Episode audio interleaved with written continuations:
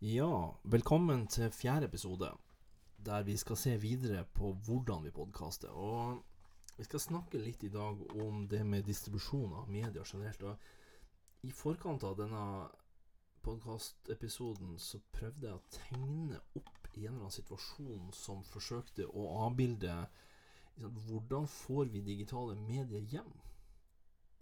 Hvordan kunne jeg ha fått det hjem, og hva er liksom situasjonen hjemme? Og jeg, jeg ble aldri liksom ferdig med denne tegninga, så den er verken komplett eller riktig på en del områder. Men den signaliserer i hvert fall at det er mange måter å hente også internettbasert innhold på hjem etter hvert. Heldigvis. Uh, det er nok noen som skulle ønske at det fantes flere og bedre muligheter, men i hvert fall det er en del muligheter der ute som jeg går ut fra at dere er, er kjent med. Og det er klart I forlengelsen av det å snakke om podkast, er det jo mange av oss som har lyst til at det innholdet vi produserer, skal ende opp her. At de som sitter hjemme foran et TV-apparat, f.eks., eller en annen type skjerm, eh, som jeg for så vidt prøvde, prøvde å signalisere her nede eh, At de skal kunne velge også de, den type innhold som dere produserer. Og I dette tilfellet så har, jo, eh, har jeg en Apple TV, men også via Xbox og PlayStation og også andre set, sånne internettbaserte set-up-bokser, så, så, finnes det måter å produsere innhold på som gjør at det er en ganske lav terskel for folk å få dette ned og inn i maskinene sine. Um, skal vi se om vi har et bilde til. Sånn ser da uh, min TV ut. Og sånn ser min mobiltelefon ut. Ikke sant? Det er flere måter å gjøre det mulig for oss å abonnere på internettbasert innhold og få det til å dukke opp automatisk på TV-en.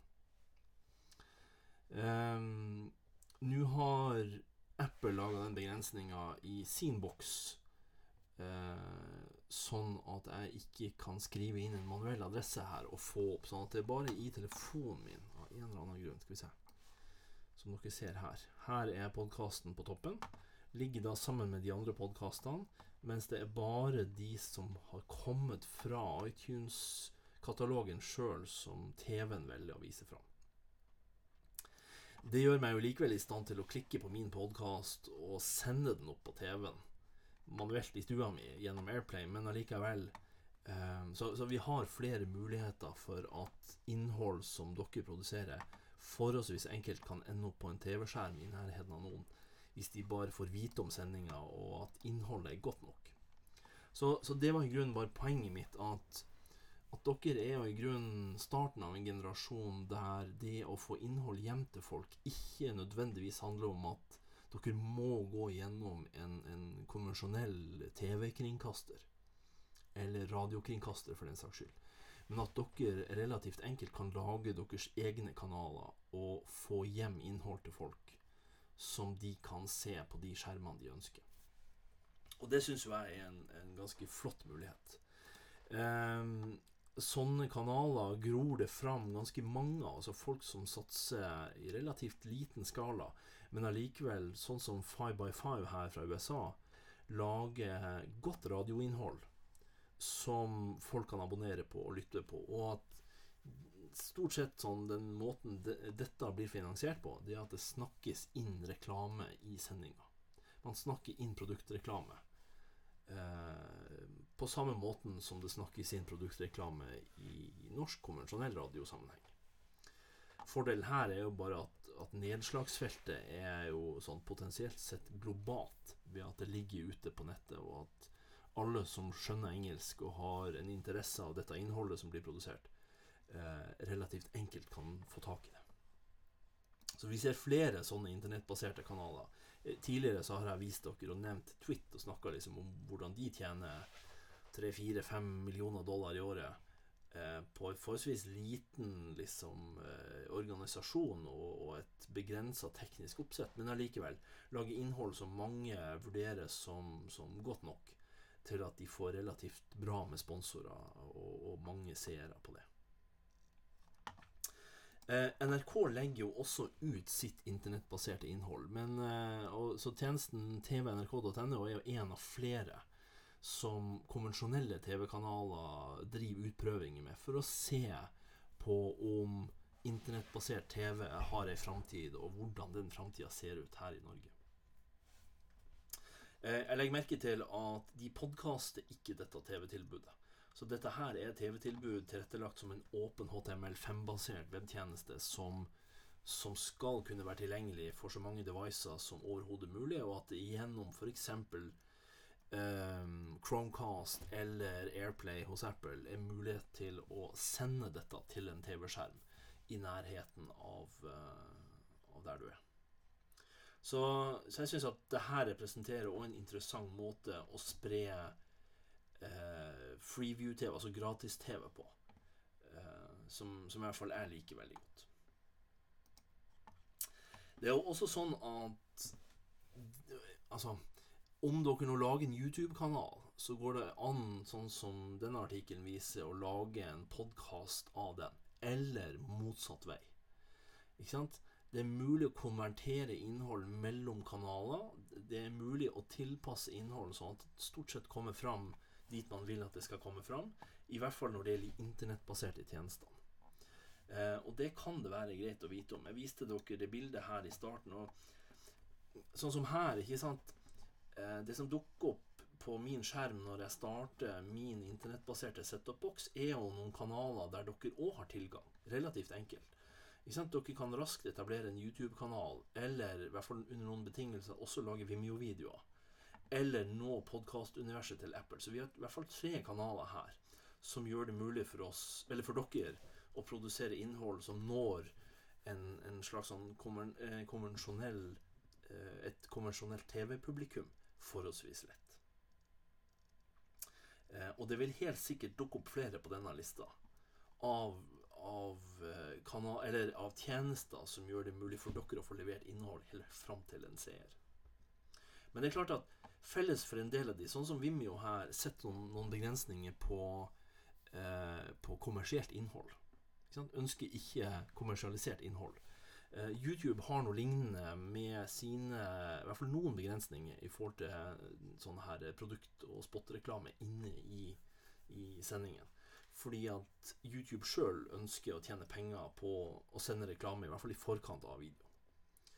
Eh, Foreløpig har ikke Apple lagt noen restriksjoner på det med å distribuere innhold med reklame i, men det kan òg komme i framtida. Så, så, vi ser en utvikling der det foreløpig er mulig til å tjene penger på å, å, spre innhold og putte inn reklame i sendingene sine. Men, men det kan være en utvikling der, der, der kanalene sjøl ønsker å kontrollere det i større grad. Sånn som YouTube nå gjør, ved at de putter inn reklame i forkant av sendinga for å tjene noen penger på, på tjenesten. Um, ja finnes skrevet en god del og sagt en god del om hvordan man kan bruke ulike strategier inn mot det å tjene penger på en podkast. Jeg syns at dere sjøl skal leite litt mer etter artikler om det. Her har du i hvert fall én av de. Eh, om den er relevant i en eh, norsk sammenheng, det er vel mer tvilsomt. I hvert fall alle de metodene. Så jeg syns at dere skal lese litt Abonnere på en del podkaster, både norske og utenlandske. Se hvordan dere kan på en måte fornemme at de tjener penger, og se om Eller gjøre vurderinger om de lykkes med det. Det er klart at, at um, sånn som Twit her har jo, og Five by Five har jo det engelske språket som en kjemperessurs. Og, uh, så de gjør seg forstått overfor svært svært mange mennesker i verden. Og det er jo da ulempen med det norske språket, at nedslagsfeltet er relativt lite. og og reklamepotensialet er som sådan også veldig mye mindre. Um, på Altså, Vi trenger å snakke litt mer konkret om det å registrere seg i en katalog. Altså, I det øyeblikket vi har laga en, en podkast sånn som vi snakka om i forrige episode, så um, trenger vi å spre budskapet om at podkasten finnes. Og det finnes i dag katalogtjenester over eksisterende podkaster. Og her står noen av de mest utbredte. Altså kataloger der podkastere går for å registrere sin nye podkast, sånn at de blir funnet av de applikasjonene som finnes der ute. Eh, så jeg syns dere kan lese litt mer om de. Jeg gjorde en jobb i går i forhold til å registrere min her. Eh, typisk Apple så jo, eh, ønsker jo de å, å, på en måte beskytte brukere for innhold som kan være støtende på noe vis. Så typisk er det en godkjenningsprosess her hos Apple for å slippe inn i iTunes, sånn at denne podkasten blir tilgjengelig eh, gjennom Apple-universet på alle devicer og på TV-en eller Apple TV-en. Eh, vi får se om de godtar eh, på en måte søknaden min, men uh, gjør det ikke det, så får vi jo se om vi kan rette opp og bli tilgjengelig. Men i hvert fall så er dette en del av prosessen etter at man har laga en podkast. Selvsagt så må man jo spre uh, sånn som disse produsentene gjør spre det glade budskapet om de ulike programmene via sosiale medier osv. Og, så og, og veldig ofte i det øyeblikket man lager en podkast, så, så etableres det jo uh, Twitter-hashtagger til de som er deltakere i podkasten, og så uh, hashtagger og andre måter å få tak i i uh, eller, eller å publisere innhold. Unnskyld eh, knytta til podkasten. Så det settes opp mekanismer sånn at det er lett å gi tilbakemelding om programmet og spre budskapet om at, om at programmet finnes. Så det er en ganske viktig del at denne terskelen her bør reduseres så mye som mulig, sånn at, sånn at folk får vite om det. Og at det kan postes meldinger på ulike nettverk om, om det som lages. Eh, så her syns jeg kanskje NRK har en vei å gå i forhold til å gjøre det, denne terskelen her så lav som mulig i forhold til et engasjement rundt de TV-programmene som er lagt ut på tv.nrk.no. Um, Google har også en, en, egen sånn type katalogtjeneste som er blitt relativt populær, Feedburner, som jeg også registrerte denne podkasten i går, og har foreløpig ikke fått noen av dere som, som abonnenter via den tjenesten. Men men i hvert fall som et eksempel på at det finnes flere store sånne registreringstjenester, katalogtjenester, um, som prøver å holde oversikt over hvilke podkaster som fins. Eh, de katalogtjenestene er jo til stede for at vi skal kunne gå inn sånn som her, da, og søke. Hvis en går inn hit og så søker på Gjøvik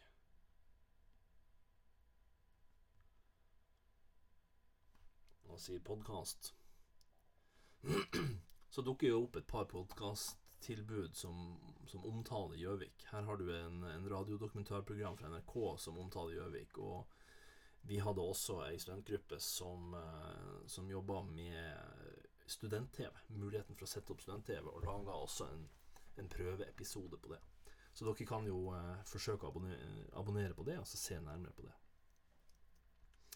Eh, så det å bli truffet, det å være tilgjengelig med søkemekanismer og, som vi også snakka om sist, tilstrekkelig med, med, gode metadata, er ganske viktig for at dere blir truffet i et univers av, av svært mange andre tilbydere.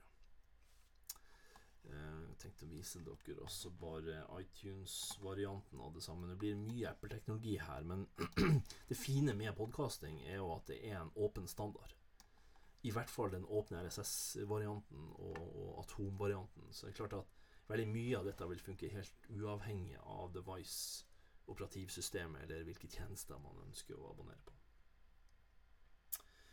Eh, så her er liksom grensesnittet mot de podkastene som, som, jeg abonnerer på, og, og også den som vi produserer her nå. I neste episode så skal vi snakke litt om hvordan det går an å tøye podkastteknologien et hakk videre, og hvordan det går an å lage utvida podkast med mer funksjonalitet, og også andre bruksområder til RSS. Skal se litt på det med å abonnere på tekst, og, og, og hvilke på en måte verktøy vi kan bruke for å, å lette lesing av innhold og aggregering av innhold. Så da tror jeg bare sier takk for nå.